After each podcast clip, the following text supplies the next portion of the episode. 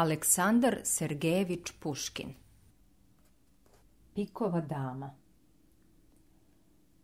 A u tmurne su dane, igrali na tenane počesto, ulagali na sve strane 50 pa i 100 i dobijali i otpisivali kredom. Tako se u tmurne dane bavili na tenane radom. Igrali jednom karte kod narumova, konjičkog oficira u gardi. Duga zimska noć prođe neosetno, te sedoše da večeraju u pet časova ujutro. Ko je imao sreće u igri, jeo je s velikim apetitom. Ostali su rasejano sedeli pred praznim tanjirima. Ali kad iščezne šampanjac, razgovor ožive i svi se umešaše. Šta bi s tobom, surine? upita domaćin. Ta izgubio sam kao i uvek. Moram priznati da sam baksus. Nikad se u igri ne žestim. Ništa me ne zbunjuje, a ipak uvek gubim. I na jedan put nisi pao u iskušenje. Nijedan put nisi stavio sve na jednu kartu. A, divim se tvojoj čvrstini. A kako Herman? reče jedan gost, pokazujući na mladoga inženjera. Otkad zna za sebe nije uzeo karte u ruke. Nikad nije imao ni jedne parole, a do pet časova sedeo je s nama i pratio našu igru. Mene igra jako zanima, reče Herman, ali ja ne mogu da žrtvujem ono što mi je preko potrebno zbog nade da ću steći suvišno. Ta Herman je nemac. On sve radi s računom, u tome je stvar, primeti Tomski. Ali ne mogu nikako da shvati moju bakicu, groficu Anu Fedotovnu. Kako to, šta to? povikaše gosti. A nikako ne mogu da shvatim, produži Tomski. Zašto moja bakica ne igra u pare? Pa šta je tu čudnovato, reče Rumov, što se starica od 80 godina ne kocka. A to znači da vi ništa o njoj ne znate. Ne, zaista ništa. E onda čujte. Valja vam znati da je moja bakica sa 60 godina putovala u Pariz i tamo bila vrlo zapažena. Svet je jurio za njom da bi video La Moskovit. Rišelje joj se udvarao i bakica tvrdi da se umalo nije ubio zato što mu se nije smilovala. U ono doba gospođe su igrale faraona. Jedared na dvoru kartajući se svojvodom orleanskim. Ona izgubi neku grdnu svotu i ostamo dužna. Kad je došla kući, Skidajući lažne mladeže s lica i razvezujući krinolinu, bakica ispriča dedi o svom gubitku i naredi mu da ga isplati. Pokojni deda, koliko ja znam, bio je u neku ruku upravnik dvora kod moje bake. On se nije bojao kao žive vatre, ali kad je čuo koliko je veliki gubitak, on se naljuti, iznese joj račune i objasnio je da su za pola godine proćerdali pola miliona – da oni u Parizu nemaju ni moskovskih, ni saratovskih sela i odlučno da plati. Bakica mu zviznu šamar i leže da spava sama da bi mu pokazala koliko je u nemilosti. Sutradan ona zapovedi da je zovnu muža. Mislila je da je ova domaća kazna uticala na njega, ali on ostane pokolebljiv. Prvi put u životu dogodio je se da se s njim raspravlja i objašnjava. Mislila je da će ga urazumiti ako mu malo s visine objasni da to nije običan dugi, da ima razlike između kneza i potkivača. Ali jest, dedica se uzjogunio. Ne dam pa kraj! Bakica prosto nije znala šta da radi. Ona je tada prisno poznavala jednog sasvim izvanrednog čoveka. E, slušali ste o grofu Saint Germainu, o kome se pričaju tolike čudne stvari – Znate već da se izdavao za večitog judu, za pronalazača životnog balzama, kamena mudrosti i drugih čudesa. I smevali su ga kao varalicu, a Kazanova u svojim uspomenama veli da je bio špijun, ali je sen žerman kraj sve svoje tajanstvenosti izgledao vrlo čestit i u društvenom životu bio vrlo prijatan čovjek. Bakica ga još i dan danas mnogo voli i ljudi se kad govore o njemu s omaložavanjem. Baka je znala da je u saint germainu moglo biti mnogo para. Odlučila je da mu se obrati. Napisala mu je ceduljicu i zamolila ga da joj neodložno dođe. Stari osobenjak je odmah došao i zatekao je na velikoj muci. Ona mu prikaza u najcrnjim bojama koliko je muž surov prema njoj i najzad mu reče da se jedino uzdaje u njegovo prijateljstvo i ubaznost. Sir Žerman se zamisli. Ja vam mogu biti na usluzi s tolikom svotom, reče on, ali znam da se nećete smiriti dok mi je ne vratite, a ja ne bih hteo da vas opterećujem novim brigama, nego postoji još jedan način. Vi biste mogli da povratite svoj novac. pa li dragi grofe, odgovorila mu je bakica, kažem vam da nemamo ni prebijene pare. Nisu tu potrebni novci, odgovori Saint germain Izvolite me saslušati. I on joj tad otkri tajnu koju bi svaki od nas dobro platio. Mladi igrači udvostručiše pažnju. Tomski zapali lulu, povuče dim i nastavi. To isto veče bakica se pojavi u Versaju, a u de Reine, vojvoda Orleanski držao je banku – Baka mu se nekako izvini što mu nije donela dug, opravda se nekom izmišljenom pričicom i poče da igra protiv njega. Odabrala je tri karte i metnula ih jednu za drugom. Sve tri su joj donele dobitak i bakica povrati sve do posljednje pare. Slučaj, reče neko od gostiju. Bajka, primeti Herman. Možda su karte bile obeležene, prihvati treći. Ne bih rekao, odgovor je značajno tomski. Šta? reče Narumov. Ti imaš babu koja ume da pogodi tri karte jednu za drugom i još joj nisi dosad iskamčio tu njenu kabalistiku. Ne poznaješ ti babca, odgovori Tomski. Ona je imala četiri sina, među njima i moga oca. Sva četvorica bili su strasni kockari i ona ipak nijednom nije otkrila svoju tajnu mada to ne bi bilo loše za njih, pa čak ni za mene. Ali evo šta mi je pričao moj stric, grof Ivan Ilić, i šta mi je tvrdio na časnu reč. Pokojni Čaplicki, onaj što je umro u bedi i tolike milione, izgubio je jednom u svoje mladosti, ukoliko se sećam igrajući sa Zorićem, oko 300.000. Bio je očajan. Pakica je uvek bila stroga prema ispadima mladih ljudi ali nešto bi žao Čaplickoga, te mu reče one tri karte da ih stavi jednu za drugom, uzevši od njega časnu reč da se posle toga nikada više neće kockati. Čaplicki ode svome pobediocu i oni se latiše karata. Čaplicki je stavio na svoju prvu kartu 50.000 i dobio. Prevrnuo je kartu i tako povratio sve, pa još i dobio. Ah, treba da se spava, reče neko. Već je četvr do šest. I zaista, već je svitalo. Mladež ispi svoje čašice i raziđe se. Stara grofica sedela je u svom budoaru pred ogledalom. Tri devojke bavile su se oko nje. Jedna je držala stakalce s rumenilom, druga kutiju s ukosnicama, treća visoku kapicu s trakama purpurne boje. Grofica nije nimalo polagala na svoju odavno uvelu lepotu, ali je očuvala sve navike svojih mladih dana. Ona se potpuno držala mode 70. godina i oblačila isto onoliko dugo i pažljivo kao 60 godina ranije. Kraj prozora sedela je za Đerđevom gospođica, njena vaspitanica. Dobar dan, grandmaman, reče ulazeći mladi oficir. Bonjour, mademoiselle Lise. Grandmamam, dolazim vam s jednom molbom. Radi čega, Paul? Da mi dopustite da vam prikažem jednoga svoga prijatelja i da ga dovedem kod vas u petak na bal. Pa dovedi ga pravo na bal, onda ćeš mi ga predstaviti. Jesi li bio juče kod...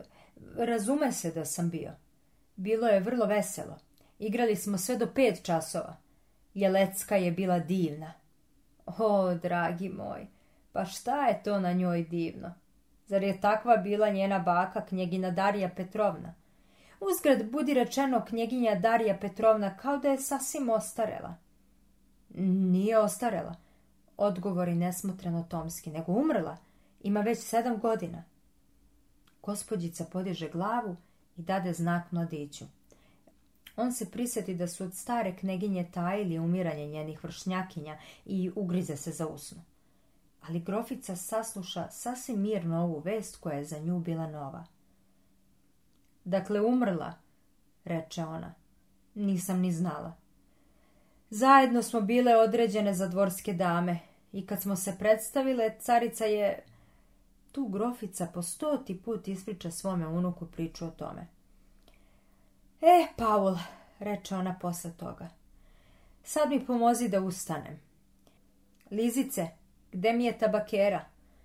I grofica sa svojim devojkama ode iza zaklona da dovrši svoju toaletu. Tomski osta sa gospođicom.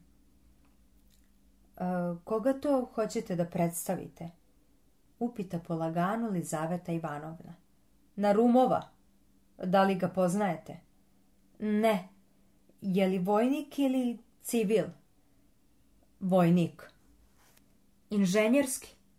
Nije, konjanik je. A zašto ste pomislili da je inženjer? Gospođica se nasmeja i ne odgovori. Paul, povika grofica iza zaklona. Pošalji mi kakav novi roman, ali te molim, nemoj nikako neki savremen. Zašto, grandmaman? Pošalji mi neki roman gdje junak nije ugušio ni oca ni majku i gdje nema utopljenika. Strašno se bojim utopljenika. Ta nema sad takvih romana. Sem ako hoćete ruske. A zar ima ruskih romana? Pošli mi, dete, molim te, pošli. Oprostite, gran maman, žurim se. E, zbogom Lizaveta Ivanovna. E, zašto ste pomislili da je Narumov inženjer? i Tomski ode iz budoara. Lizaveta Ivanovna osta sama. Ostavi svoj rad i zagleda se kroz prozor. Ubrzo se na jednoj strani ulice iza kuće na uglu pojavi neki mladi oficir. Njoj se lice obli rumenilom i ona se ponovo lati posla i prignu glavu na vez. U tom trenutku uđe grofica, potpuno obučena. Lizice, reče ona. Reci da upregnu kola, da pođemo u šetnju. Liza se diže od rada i poče da ga usprema. Ama šta ti je, dete, jesi li gluva? povika grofica. Naredi da što brže prežu kola. Odmah, odgovori tiho gospođica i istrča u predsoblje. U tom času uđe sluga i predade grofici knjige od kneza Pavla Aleksandrovića. E, baš dobro, zahvali od moje strane, reče grofica. Lizice, Lizice, tako žuriš? Da se obučem. Stići ćeš, dete, sedi tu. Otvori prvu svesku. Čitaj naglas. Gospodjica uze knjigu i pročita nekoliko redova. Glasnije, reče grofica. šta je s tobom, dete?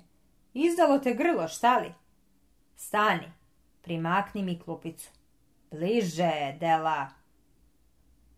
Lizaveta Ivanovna je pročitala još dve stranice. Grofica zevna. baci tu knjigu, reče ona. Ali je to neka glupost.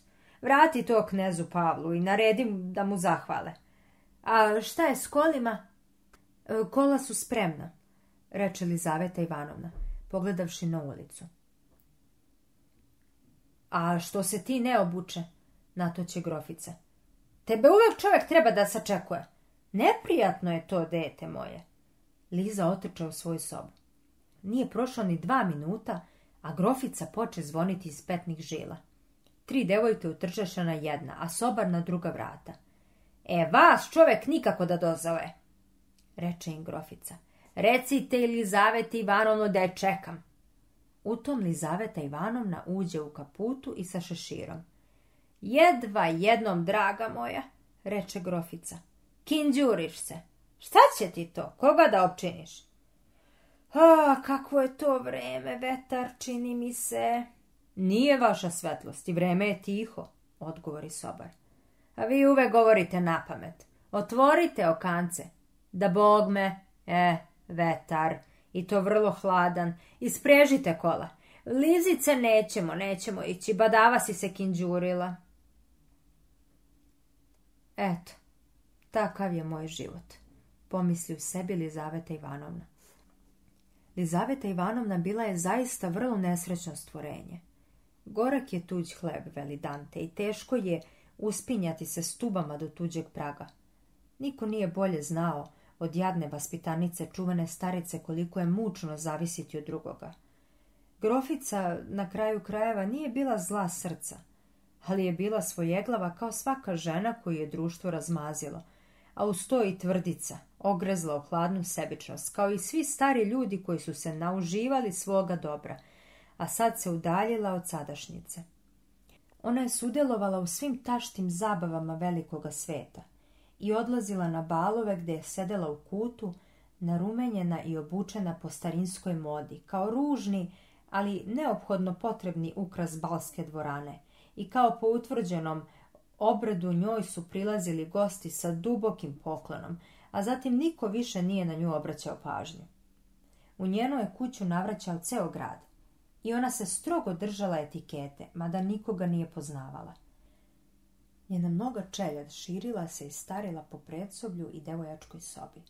Radila je što je htjela i takmičila se ko će je više pokrasti dok se ona gasila. Lizaveta Ivanovna bila je mučenica te kuće. Kad je razlivala čaj, grdili su je što troši mnogo šećera. Kad je naglas čitala romane, bila je kriva za sve piščeve omaške. Kad je pratila groficu u njenim šetnjama, bila je odgovorna zbog vremena i blata na ulici. Imala je određenu platu koju joj nikad nisu do kraja isplaćivali, a tražili su od nje da se oblači kao i ostali, to jest kao redko ko. Jadna je bila njena uloga u društvu. Svi su je znali, a niko je nije primećivao. Na balovima igrala je jedino kad se nije mogao naći drugi partner, a dame su je uzimale ispod ruke samo onda kad su morale ići u sobu za oblačenje da nešto poprave na haljini. Ona je držala do sebe, te se obazirala oko sebe i nestrpljivo očekivala spasioca, ali mladi ljudi, računđije u svojoj lakomislenoj taštini, nisu je primećivali.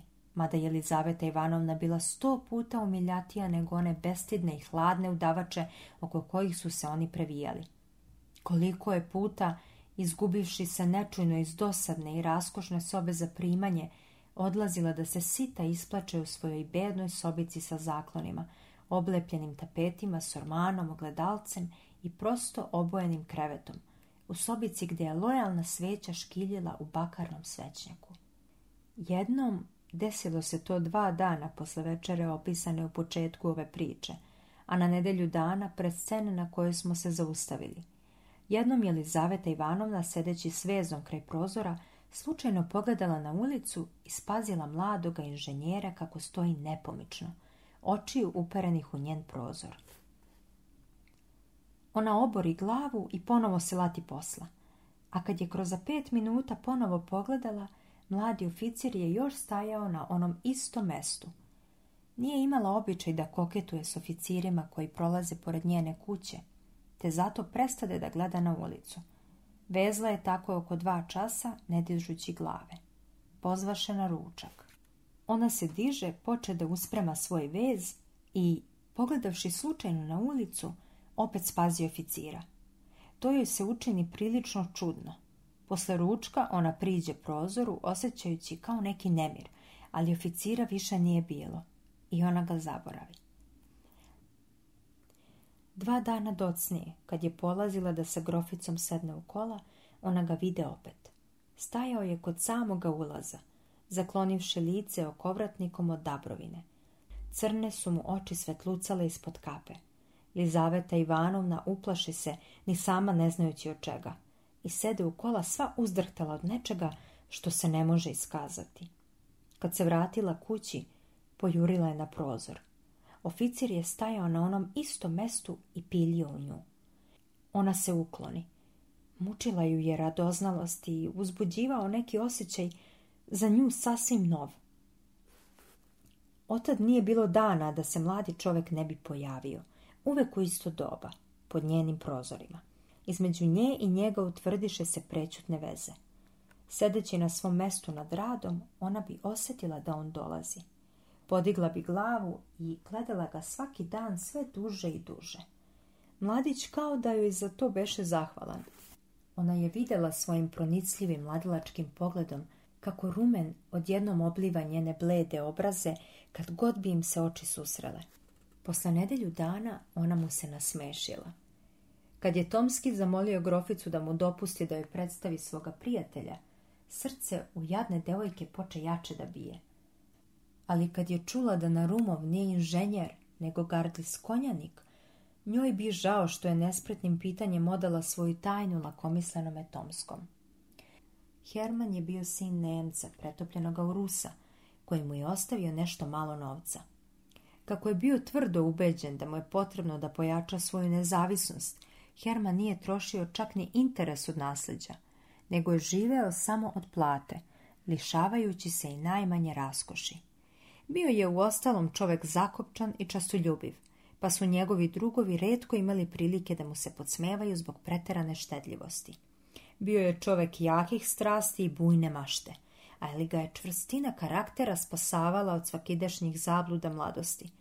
Tako, na primjer, iako je bio od prirode strastan kockar, nikada nije uzimao karte u ruke jer je proračunao da mu njegovo stanje ne dopušta, kako je govorio da žrtvuje ono što mu je preko potrebno zbog nade da će dobiti suvišno, Međutim, po cele noći presedeo bi za kartaškim stolom i sav u groznici pratio različite obrte u igri. Priča o onim trima kartama jako je uzbudila njegovu maštu i cele mu noći nije izbijala iz glave. On je mislio kad je idućega dana lutao po Petrogradu. Eh, kad bi mi stara grofica poverila svoju tajnu, kad bi mi pokazala one tri sigurne karte, a zašto ne bih okušao sreću? da joj se predstavim, da zadobijem njenu naklonost, da joj postanem daleko bilo i ljubavnik. Ali za sve to treba vremena.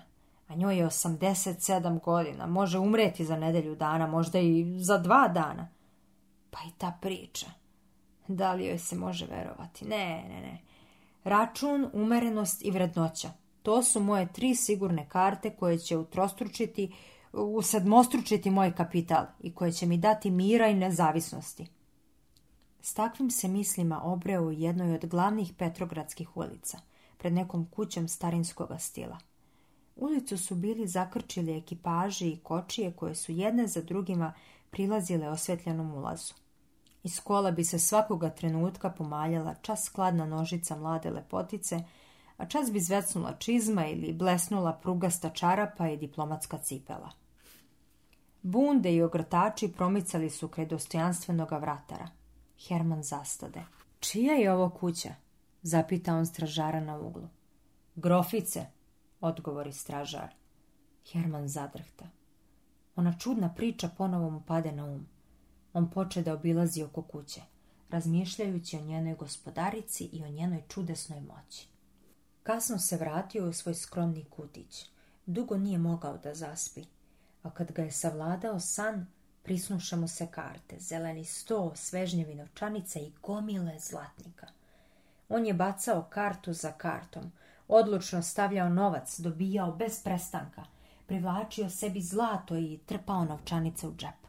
A kad se dosta kasno probudio, uzdahnuo je zbog gubitka svog fantastičnog bogatstva – pa pošao opet da luta po gradu i ponovo se obreo pred kućom grofice. Kao da ga je neka neznana sila vukla k njoj. Zastao je i počeo da gleda u prozore. Kod jednoga prozora ugleda crnokosu glavicu, nagnutu po svoj prilici nad knjigom ili nad ručnim radom. Glavica se podiže. Herman spazi sveže lice i crne oči. Taj trenutak odlučio je o njegovoj sudbini. Lizaveta Ivanovna jedva da je stigla da skine kaput i šešir, a grofica već poslala po nju i naredi da opet upregnu kola. Baš u trenutku kad su pošle da se popnu kola i kad dva lakeja podigoše staricu i protnuše je kroz ratanca, Lizaveta Ivanovna spazi svoga inženjera kraj samih kola. On je uhvati za ruku. Nije stigla da se povrati od straha, a mladić već iščeze i pismo osta u njenoj ruci. Ona ga sakri u rukavicu i za sve vreme puta niti je šta čula, niti vidjela. Grofica je imala običaj u kolima da svaki čas zapitkuje. E, s kim smo se to razmimo išli? Koji je ovo most? A šta ono, šta, šta onda piše na tabli? Lizaveta Ivanovna je sada odgovarala nasumice i kao od bede te je naljutila groficu. Ma šta se to zbiva s tobom, dete? Šta si se udrvečila? Ti me ili ne čuješ ili ne razumeš. A ja, hvala Bogu, niti mucam, niti sam suma još sišla. Lizaveta Ivanovna je nije slušala. Čim su se vratile kući, ona otrča u svoju sobu i izvadi iz rukavice ono pismo. Bilo je nezapečaćeno. Lizaveta Ivanovna ga pročita. Pismo je bila ljubavna izjava, puna nežnosti i poštovanja od reči do reči prepisana iz nekog nemačkog romana. Ali Elizaveta Ivanovna nije znala nemački i bila je njime vrlo zadovoljna. Ipak je ovo primljeno pismo vrlo uznemiri. Ta ulazila je prvi put u tajne i prisne odnose s jednim mladićem. Njegova drskost je prestraši.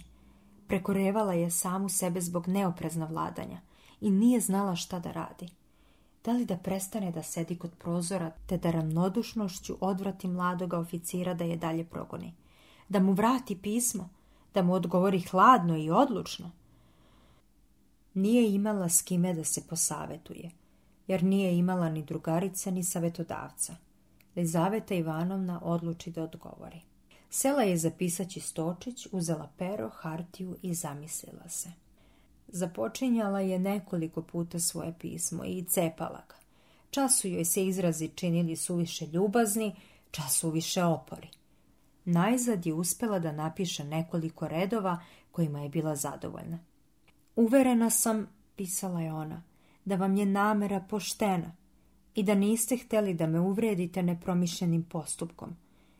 Ali nije red da naše poznanstvo počne na ovaj način – Vraćam vam vaše pismo i nadam se da u buduće neću imati povoda da se potuži na nepoštovanje koje ne zaslužujem. Idućega dana Elizaveta Ivanovna, kad je vidjela Hermana da dolazi, diže se od veza, ode u salon, otvori okance i baci pismo na ulicu, uzdajući se u spretnost mladog oficira. Herman pritrča, podiže ga i ode u poslastičarnicu. Slomivši pečat, on nađe svoje pismo i odgovor Lizavete Ivanovne. Tu je i očekivao, da se vrati kući sasvim obuzet svojom avanturom. Tri dana kasnije, mlada madmazel živih očiju donese Lizaveti Ivanovnoj pisamce iz pomodne radnje. Lizaveta Ivanovna razvi ga sasvim uznemireno, jer je mislila da joj traže dug, ali odmah poznade Hermanov rukopis. Vi ste se dušice zabunili, reče ona. Ovo pisamce nije za mene. A ne, baš je za vas, odgovori smelo devojka, ne krijući lukava osmejka. Izvolite pročitati. Lizaveta Ivanovna prelete očima pisamce. Herman je tražio da se vidi s njom. Ne može biti da je za mene, reče Lizaveta Ivanovna uplašena zbog naglosti zahteva i načina kako je pismo poslao. Ovo pismo zaista nije meni upućeno i ona iscepa pismo na komadiće kad pismo nije za vas, zašto ste ga iscepali, reče mademoiselle. Ja bi ga vratila onome koga je poslao. Molim vas, dušice, na to će Ivanovna planuši na tu njenu primedbu. Nemojte mi više donositi nikakva pisamca, a onome ko vas je poslao kažite da treba da ga bude stid. Ali se Herman ne smiri. Lizaveta Ivanovna je svaki dan dobijala od njega pisma, sad na ovaj, sad na onaj način. Nije ih više provodio s Nemačkoga. Pisao ih je nadahnut strašću i kazivao svojim rečima. U njima su bili izraženi i upornost njegovih želja i pometenost mašte koju nije mogao obuzdati. Lizaveti Ivanovnoj više nije padalo na um da ih vraća. Ona se naslađivala pismima i počela je da odgovara na njih, te i njena pisma počeše bivati sve opširnija i nežnija. Najzad ona mu baci kroz prozorče ovakvo pismo. Danas je bal kod poslanika. Tamo će biti i grofica. Ostaćemo do dva časa. To vam je prilika da me vidite nasamo. Čim grofica ode, njena će se posluga verovatno razići. Na ulazu će ostati vratar, ali i on obično odlazi u svoju sobicu. Vi dođite oko jedanaest i po. Pođite pravo u stepenice. Nađete li koga u predsoblju? Upitajte da li je grofica kod kuće. Reći će vam da nije i tad, naravno morat ćete da se vratite. Ali sva je prilika da nećete nikoga susresti. Devojke su u svojoj zajedničkoj sobi. S predsoblja idite levo, pravo do grofičine spavaće sobe. U njoj ćete iza zaslona opaziti dvoja mala vratanca. Ona sa desne strane vode u kabinet, u koji grofica nikad ne ulazi, a ona s leve strane u hodnik, gdje su uske zavojite stepenice koje vode u moju sobu. Herman je drhtao kao tigar dok je čekao da dođe uračeno vreme. U deset časova uveče on se već nalazio pred grofičinom kućom. Vreme je bilo strašno. Vetar je šibao, a vlažan sneg je vejao u krupnim pahuljicama. Fenjeri su mutno škiljili, na ulicama ne beše nikoga. Pokat kad bi prošao kočijaš sa svojim mršavim kljusetom i odmerio okasnalog putnika. Herman je bio samo u kratkom kaputu, ali nije osjećao ni vetra ni snega. Najzad pristigoše grofičina kola. Herman vide kako lakeji izvedoše ispod ruke pogorenu staricu, ututkanu u samurovu bundu i kako odmah za njom promače njena vaspitanica u lakom ogrtaču s kosom ukrašenom svežim cvećem. Vratanca se zalupiše. Kola teško krenuše po sipkavom snegu. Vratar zatvori vrata, prozori se zamračiše. Herman počeo obilaziti oko opustele kuće. Kad je prišao Fenjeru i pogledao časovnik, bilo je 11 časova i 20 minuta. On je ostao pod Fenjerom, s pogledom uperenim u kazaljku na časovniku. Čekao je da protekne određeno vreme. Tačno u po časova Herman je ušao u Grofičinu palatu i popeo se u jako osvetljen trem u kome nije bilo vratara. Herman ustrčao za stepenice, otvori vrata od predsoblja i vide slugu kako spava pod svetiljkom u staroj prljavoj naslonjači. Hitrim i odlučnim korakom Herman prođe pored njega. Salon i gostinska soba bili su mračni. Lampa iz predsoblja jedva ih je osvetljavala. Herman je ušao u spavaću sobu. Pred ramom punim starinskih ikona gorelo je kandilo od zlata. Ove Oveštale naslonjače i divani pretrpani perjanim jastučićima s izlizanom pozlatom stajali su u nekoj tužnoj simetriji kraj zidova obloženih kineskim tapetima. Na zidu su visila dva portreta koja je radila u Parizu Madame Lebrun – na jednom je bio naslikan rumeni, pun čovek 40. godina u svetlo-zelenom mundiru i sa zvezdom. Na drugom, mlada lepotica s orlovskim nosem, zalizane kose na slepim očima i sa ružom u napudrovanoj kosi. Iz svih kutova štrcele su pastirke od porcelana stoni časovnici izrade slavnoga Leroa, kutice, kocke za igru, lepeze i različne sitice za dame, pronađene krajem prošloga stoleća kad i Mongolfijerov balon i Mesmerov magnetizam. Herman je otišao iza zaslona gdje je stajala mala gvozdena postelja. Desno su bila vrata koja su vodila u kabinet, a levo druga u hodnik – Herman ih otvori i spazi uske zavojite stepenice koje su vodile u sobu sirote vaspitanice. Ali on se vrati i uđe u mračni kabinet. Vreme je sporo odmicalo. Svuda je carevala tišina. U gostinskoj sobi izbi ponoć, a zatim po ostalim sobama časovnici jedan za drugim objaviše dvanaest i sve opet umuče. Herman je stajao naslonjen na hladnu peć. Bio je miran, Srce mu je kucalo ravnomeno, kao u čoveka koji se odlučio da učini nešto opasno, ali preko potrebno. Na časovnicima izbi jedan, pa dva časa posle ponoći. I on začu izdaleka drkanje kola. Uzbuđenje ovlada njime i protiv njegove volje. Karuce stigoše i zaustaviše se. On ču kako lupnu papuča spuštena na kolima. Po kući se ustumaraše. Čeljad se rastrča, glasovi se razleguše i kuća se rasvetli. U spavaću sobu dojuriše tri stare sobarice, a zatim uđe grofica jedva živa i klonu u Volterovsku naslonjaču. Herman je virio kroz pukotinu. Lizaveta Ivanovna prođe kraj njega. Herman je čuo kako se užurbano penje u svoje stepenice. U njegovom srcu odjeknu nešto kao griža savesti, ali opet umuče. Stajao je kao kip grofica se poče svlačiti pred ugledalom. Pošto su joj razvezali kapicu ukrašenu ružama, skinuli su napudrovanu vlasulju s njene sede i kratko ošišane kose, čijode su kao kiša daždile oko nje. Žuta haljina izvezena srebrom pala je kraj njenih podnadulih nogu. Herman je bio svedoh odvratnih tajni njene toalete. Najzad grofica osta u spavačici i noćnoj kapici – u ovoj opremi koja je više priličila njenoj starosti, ona se činila manje strašna i ružna. Kao i sve stare ljude, groficu je mučila nesamica. Onako svučena sela je kraj prozora u Volterovsku naslonjaču i otpustila sobarice. Izneli su je sveće i u sobi je opet škiljilo samo kandilo. Grofica je sedela sva žuta, žvaćući opuštenim usnama i ljuljajući se desno i levo. U njenim mutnim očima nije se ogledala ni jedna misao. Gledajući je, čovjek bi mogao pomisliti da se strašna starica ne ljulja po svojoj volji, nego pod uticajem neke tajne galvanske sile. Na jednom se to mrtvo lice neverovatno izmeni. Usne prestadoše da žvaću, a oči oživeše. Pred groficu je stao nepoznat čovjek. Ne bojte se, za Boga, ne bojte se, reče on tihim, ali razgovetnim glasom.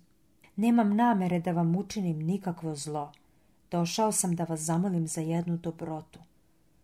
Starica ga je čuteći gledala i kao da ga nije čula. Hermanu se učini da je gluva, te se naže do samog njenog uha ponovio i svoje reči. Starica je i dalje čutala. Herman produži. Vi možete da me usrećite i to vas neće ništa stajati. Ja znam da ste vi u stanju da pogodite tri karte u zastopce. Herman zastade. Izgledalo je da je grofica shvatila šta od nje hoće i kao da je tražila reči da odgovori. To je bila šala, reče ona najzad. Kunem vam se da je bila šala. Time se ne šali, odgovori Herman ljutito. Setite se Čaplickoga, kome ste vi pomogli da povrati pare. Moglo se vidjeti da se grofica zbunila. Na njenom licu se ukaza jako duševno uzbuđenje, ali je odmah utonula u pređašnju neosjetljivost. Herman produži. Možete li da mi otkrijete te tri sigurne karte? Grofica je čutela, a Herman je nastavljao. Za koga čuvate svoju tajnu? Za unuke? Oni su bogati i bez toga, ta oni i ne znaju vrednost novca. Rasipniku neće pomoći vaše tri karte. Ko ne ume da čuva dedovinu umreće i onako u bedi, pa ma kakve mu nečiste sile pomagale. Ja nisam rasipnik, znam vrednost novca. Vaše tri karte kod mene ne bi propale.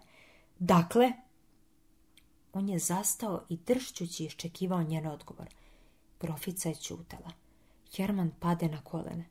Ako vam je ikada, reče on, srce osjećalo šta je ljubav, ako se sećate njenih zanosa, ako ste se bar jednom nasmešili na plač novrođenoga sina, ako je ikad ma kakav ljudski osjećaj zatreperio u vašim grudima, ja vas zaklinjem osjećajima supruge, ljubavnice, majke, svim što je sveto u životu. Ne odbijajte mi molbu. Otkrijte mi svoju tajnu. Šta će vam ona?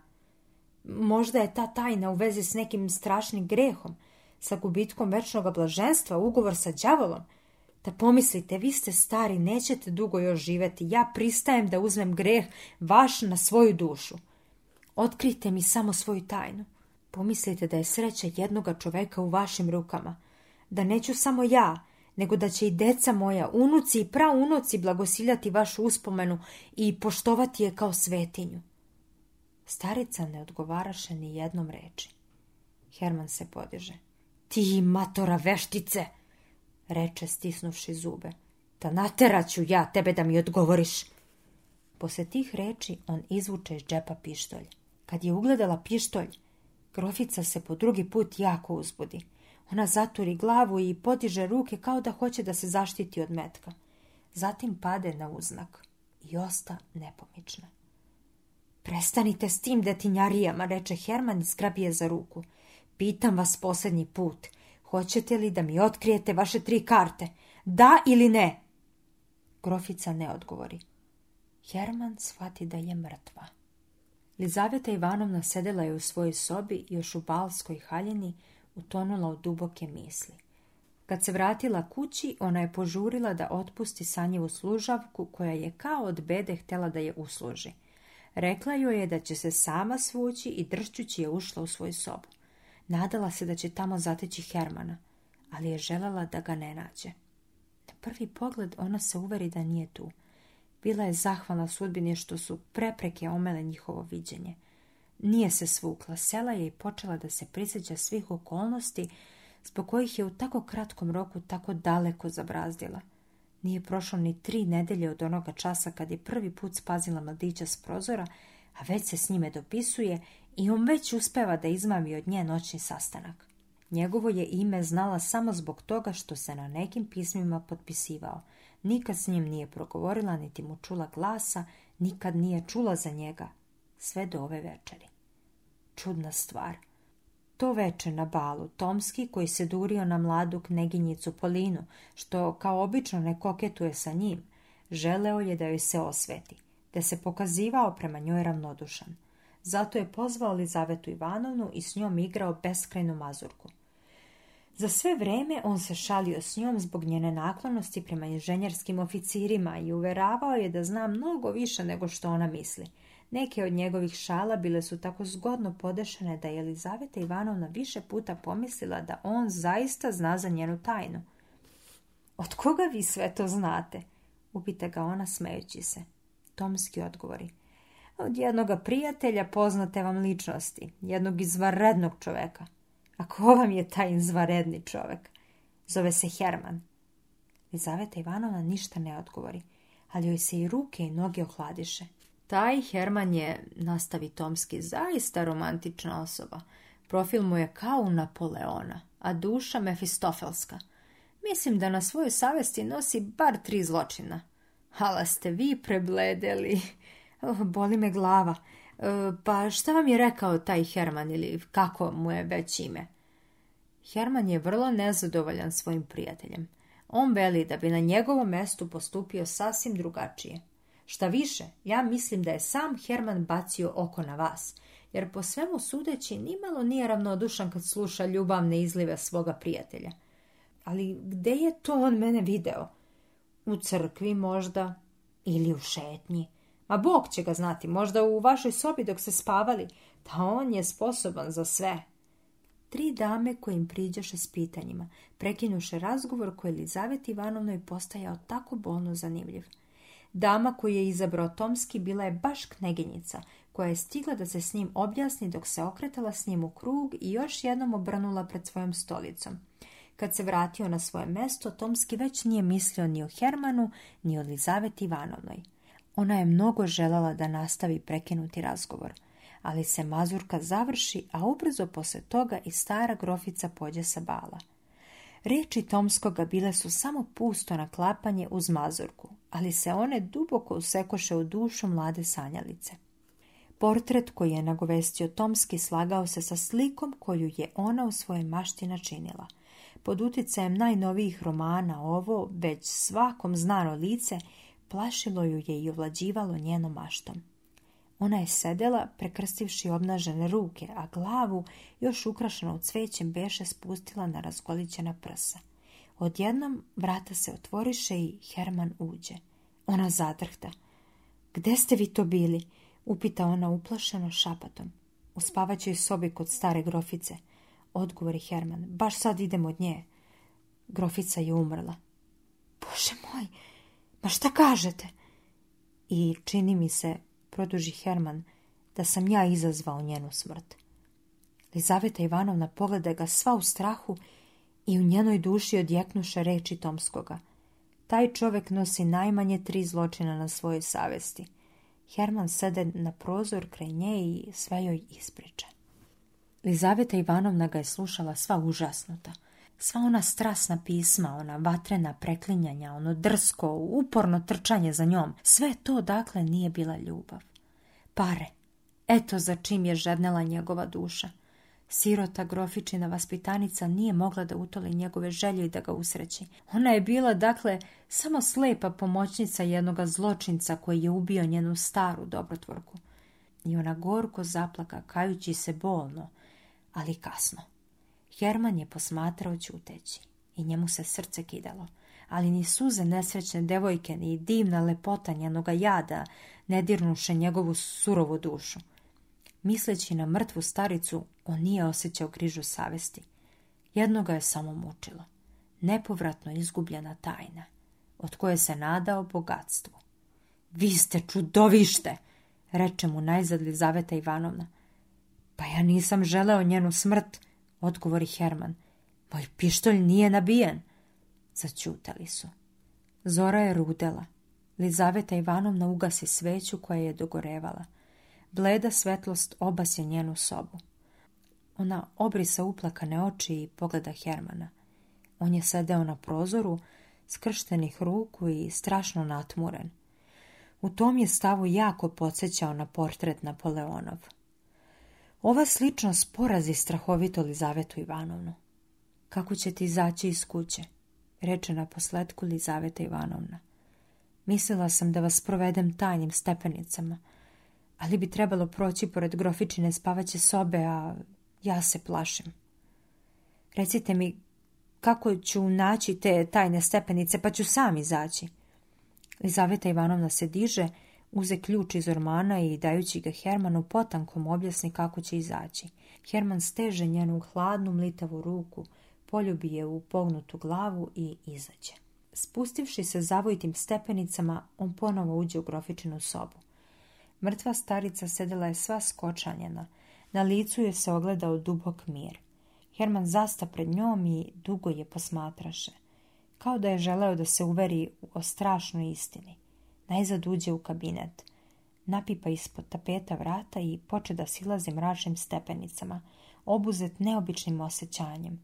Tim istim stepenicama, mislio je on, možda se 60 leta ranije prikrada u ovu istu spavaću sobu i ovaj isti čas mladi srećnik u vezenom kaputu, očešljan, pritiskajući na grudi svoj trorogi šešir. On je sad već odavno ustrunuo u grobu, a i srce njegove prestarele ljubavnice, eto, danas presta da bije. Pri dnu stepenica Herman pronađe vrata, otvori ih istim ključem i nađe se u prolaznom hodniku kojim izađe na ulicu. Tri dana posle ove kopne noći, u devet časova ujutru, Herman se uputi u manastir, gdje je trebalo da se opoje telo preminule grofice. Nije osjećao kajanje, ali ipak nije mogao da uguši sasvim glas savesti koji mu je govorio. Ti si babin ubica. U njega je bilo malo prave vere, ali je bilo mnogo praznoverice. Verovao je da mrtva grofica može kobno utjecati na njegov život i zato je odlučio da ode na njenu sahranu da bi izmolio od nje oproštaj. Crkva je bila dupke puna. Herman se jedva progurao kroz silan svet kovčeg je ležao na bogatom postolju pod baldahinom od kadife. Pokojnica je počivala u njemu ruku prekrštenih na grudima, u čipkanoj kapici i u beloj atlasnoj haljini. Oko nje su stajala njena čeljad, sluge u crnim kaputima s grbovima na trakama o ramenima i sa svećama u rukama, a srodnici u dubokoj crnini, deca, unuci i praunuci. Niko nije plakao. Ta suze bi bile an affectation, Grofica je bila isuviše stara da bi njena smrt ikoga mogla iznenaditi. Njeni su je rođavci odavno smatrali pokojnicom. Neki mlad vladika izgovorio je posmrtno slovo. Prostim i dirljivim rečima prikazao je on mirno umiranje pravednice, koja se dugo godina tiho i ganutljivo pripremala za hrišćansku smrt.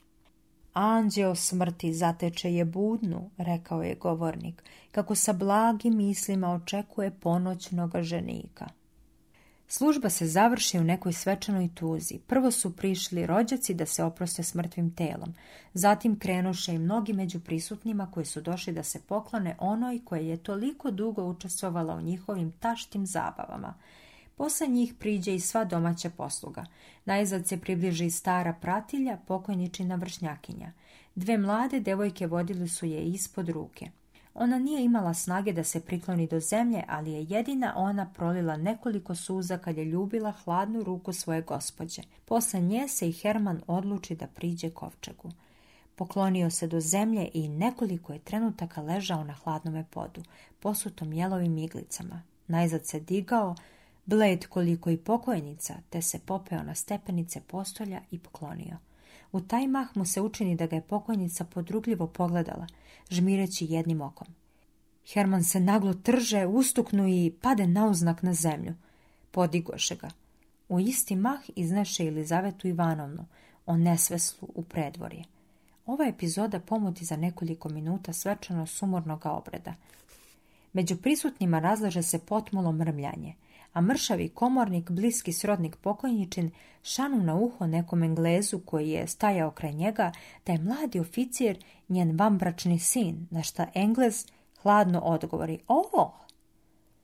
Herman je bio čitav taj dan do krajnosti rastrojen. Za ručkom u samotnoj gostionici pio je preko običaja i suviše nadajući se da će tako zataškati unutarnje uzbuđenje, ali je vino još više raspaljivalo njegovu obrazilju. Vrativši se kući, on leže onako obučen na postelju i čvrsto zaspa. Probudio se duboko u noć. Mesec je obasjavao njegovu sobu. Pogledao je na časovnik, bilo je četvr do tri. San ga prođe. Seo je na krevet i mislio o pogrebu stare grofice. U taj tren, kao da neko s ulice zaviri kroz njegov prozor i odmah ode. Herman na to ne obrati nikakve pažnje. Malo posle čuje kako se otvaraju vrata u prednjoj sobi. Herman pomisli da se to njegov posilni vraća, pijan kao i obično od noćne šetnje, ali je čuo nepoznate korake. Neko je išao vukući tiho papuče po podu. Otvorila su se vrata i ušla je neka žena u beloj haljini. Hermanu se učini da je to njegova stara dadilja i začudi se šta je to goni da dolazi u tako pozno doba. Ali bela žena kao da se nečujno klizala. Nađe se odjednom pred njim i Herman poznade groficu. Dolazim ti protiv svoje volje, reče ona odlučnim glasom, ali mi je naređeno da ispunim tvoju molbu. Trojka, sedmica i kec dobijat će ti jedno za drugim, ali za 24 časa smeš igrati samo na jednu kartu, a posle za čitavoga života da više ne igraš. Praštam ti svoju smrt, ako se oženiš mojom vaspitanicom Lizavetom Ivanovnom. Posle ovih reči ona se tiho okrenula, prošla vratima i iščezla vukući papuče. Herman ču kako se zalupiše vrata od predsoblja i vide kako je neko opet zavirio kroz njegov prozor. Herman nije mogao dugo da se pribere. Izašao je u drugu sobu. Njegov posilni spavao je na podu. Herman ga jedva probudi. Posilni je kao i uvek bio pijan, te od njega nije ništa mogao saznati. Vrata od predsoblja bila su zaključana. Herman se vrati u svoju sobu, zapali sveću i zabeleži šta mu se prividjelo. Dve nepromenjive zamisli ne mogu zajedno u isto vrijeme postojati u moralnoj prirodi, onako isto kao što ni dva tela ne mogu u fizičkom svetu da zauzimaju isto mesto. Trojka sedmica kec, potisnuše ubrzo u Hermanove mašti lik mrtve starice. Trojka sedmica kec, nisu mu izlazili iz glave i stalno su lebdjeli na njegovim usnama. Kad bi ugledao mladu devojku, govorio bi, ala je stasita, prava crvena trojka. Kad bi ga pitali koliko je časova, odgovarao bi pet minuta do sedmice. Svaki pupav muškarac podsjećao ga je na keca. Trojka, sedmica, kec. Progonili su ga i u snu u svim mogućim oblicima. Trojka je cvetala pred njim kao veliki divni cvet. Sedmica mu se priviđala kao vrata u gotskom stilu, a kec kao golem pauk. Sve njegove misli sliše se u jednu da se posluži tajnom koja ga je skupo stala. Počeo je da promišlja na ostavku i na putovanja. Hteo je da u javnim kockarnicama po Parizu otme blago od zamađijene fortune. Slučaj ga je oprostio od tih briga. U Moskvi se naša družina bogatih kartaša. Na čelu im je bio slavni Čekalinski koji je sav svoj vek proveo s kartama u ruci, te je u svoje vreme stekao milione, dobijajući menice, a gubeći gotov novac. Dugogodišnje iskustvo pribavilo mu je poverenje drugova, a gostoprimljivim domom, čuvenim kuvarom, ljubaznošću i veselošću zadobijao je poštovanje u društvu. Kad se pojavio u Petrogradu, mladež ostavi balove zbog karata i nagranu k njemu, pretpostavljajući iskušenja kocke čarima ljubakanja. Narumov mu dovede Hermana. Prošli su kroz čitav niz sjajnih soba u kojima je bilo mnogo učitivih slugu. Nekoliko generala i tajnih savjetnika igralo je vista. Mladići su sedeli izvaljeni po kadifenim divanima, jeli sladoledi i pušili na lule. U gostinskoj sobi za dugačkim stolom oko koga se tiskalo dvadesetak igrača sedeo je domaćin i držao banku. Bio je to čovjek šestdesetih godina, dostojan poštovanja.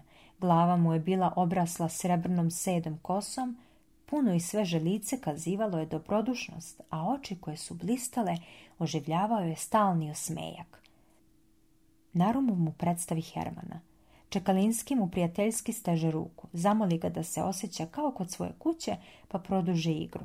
Partija se otegla. Na stolu je bilo više od 30 karata. Čekalinski bi pričekao posle svakoga deljenja karata da bi igračima dao vremena da se snađu – Zapisivao bi gubitak, e, učtivo saslušavao njihove želje i još učtivije odbijao suvišnu kartu koju bi pružala rasejana ruka. Najzad se ta partija završi. Čekalinski promeša karte i spremi se da počne novo. E, dopustite da ja stavim kartu, reče Herman, pruživši ruku iza nekog debelog gospodina koji je također onda igrao. Čekalinski se osmehnu i pokloni se ćuteći, čime je dao na znanje da učtivo pristaje. Narumov, smejući se, čestita Hermanu što je prekinuo svoj dugotrajni post i zažele mu srećan početak. Polazim, reče Herman i napisa kredom svotu iznad svoje karte. Skoliko, koliko vi gospodine, žmirkajući upita bankar u igri. Oprostite, gospodine, ne vidim dobro. Četrdeset hiljada, odgovori Herman. Na te reči sve se glave odjednom okrenuše i sve upraviše očiju Hermana. Da on je sišao suma pomisli Narumov. Dopustite da vas podsjetim, reče Čekalinski sa svojim nepromenljivim osmejkom, da je vaš ulog više veliki. Ovdje još niko nije stavio više od 275 odjednom. Pa šta je s tim, odgovori Herman. Hoćete li tući moju kartu ili ne? Čekalinski se pokloni s onim istim izrazom pokornoga pristanka kao maločas i reče. Teo sam samo da vas upozorim, pošto sam udostojen poverenja svojih drugova, da delim karte samo za gotov novac. Naravno, ja sam lično uveren da je dovoljna vaša reč, ali zbog reda u igri i obračuna molim vas da stavite novac na kartu. Herman izvadi iz džepa ček i dade ga čekalinskom, koji ga brzo razgleda i stavi na Hermanovu kartu. Zatim poče deliti. Desno pade devetka, a levo trojka. Dobija, reče Herman i pokaza svoju kartu. Među igračima zažubori šaputanje. Čekalinski se namršti, ali se osmejak istog časa ponovo pojavi na njegovom licu. Izvolite li da primite? upita on Hermana. Najljepše vas molim. Čekalinski izvadi iz džepa nekoliko čekova i odmah se obračuna. Herman uze svoj novac i udalji se od stola. Na Narumov nije mogao da se pribere od čuda. Herman popi čašu limunade i uputi se kući. Idućeg večera on se ponovo pojavi kod Čakalinskoga.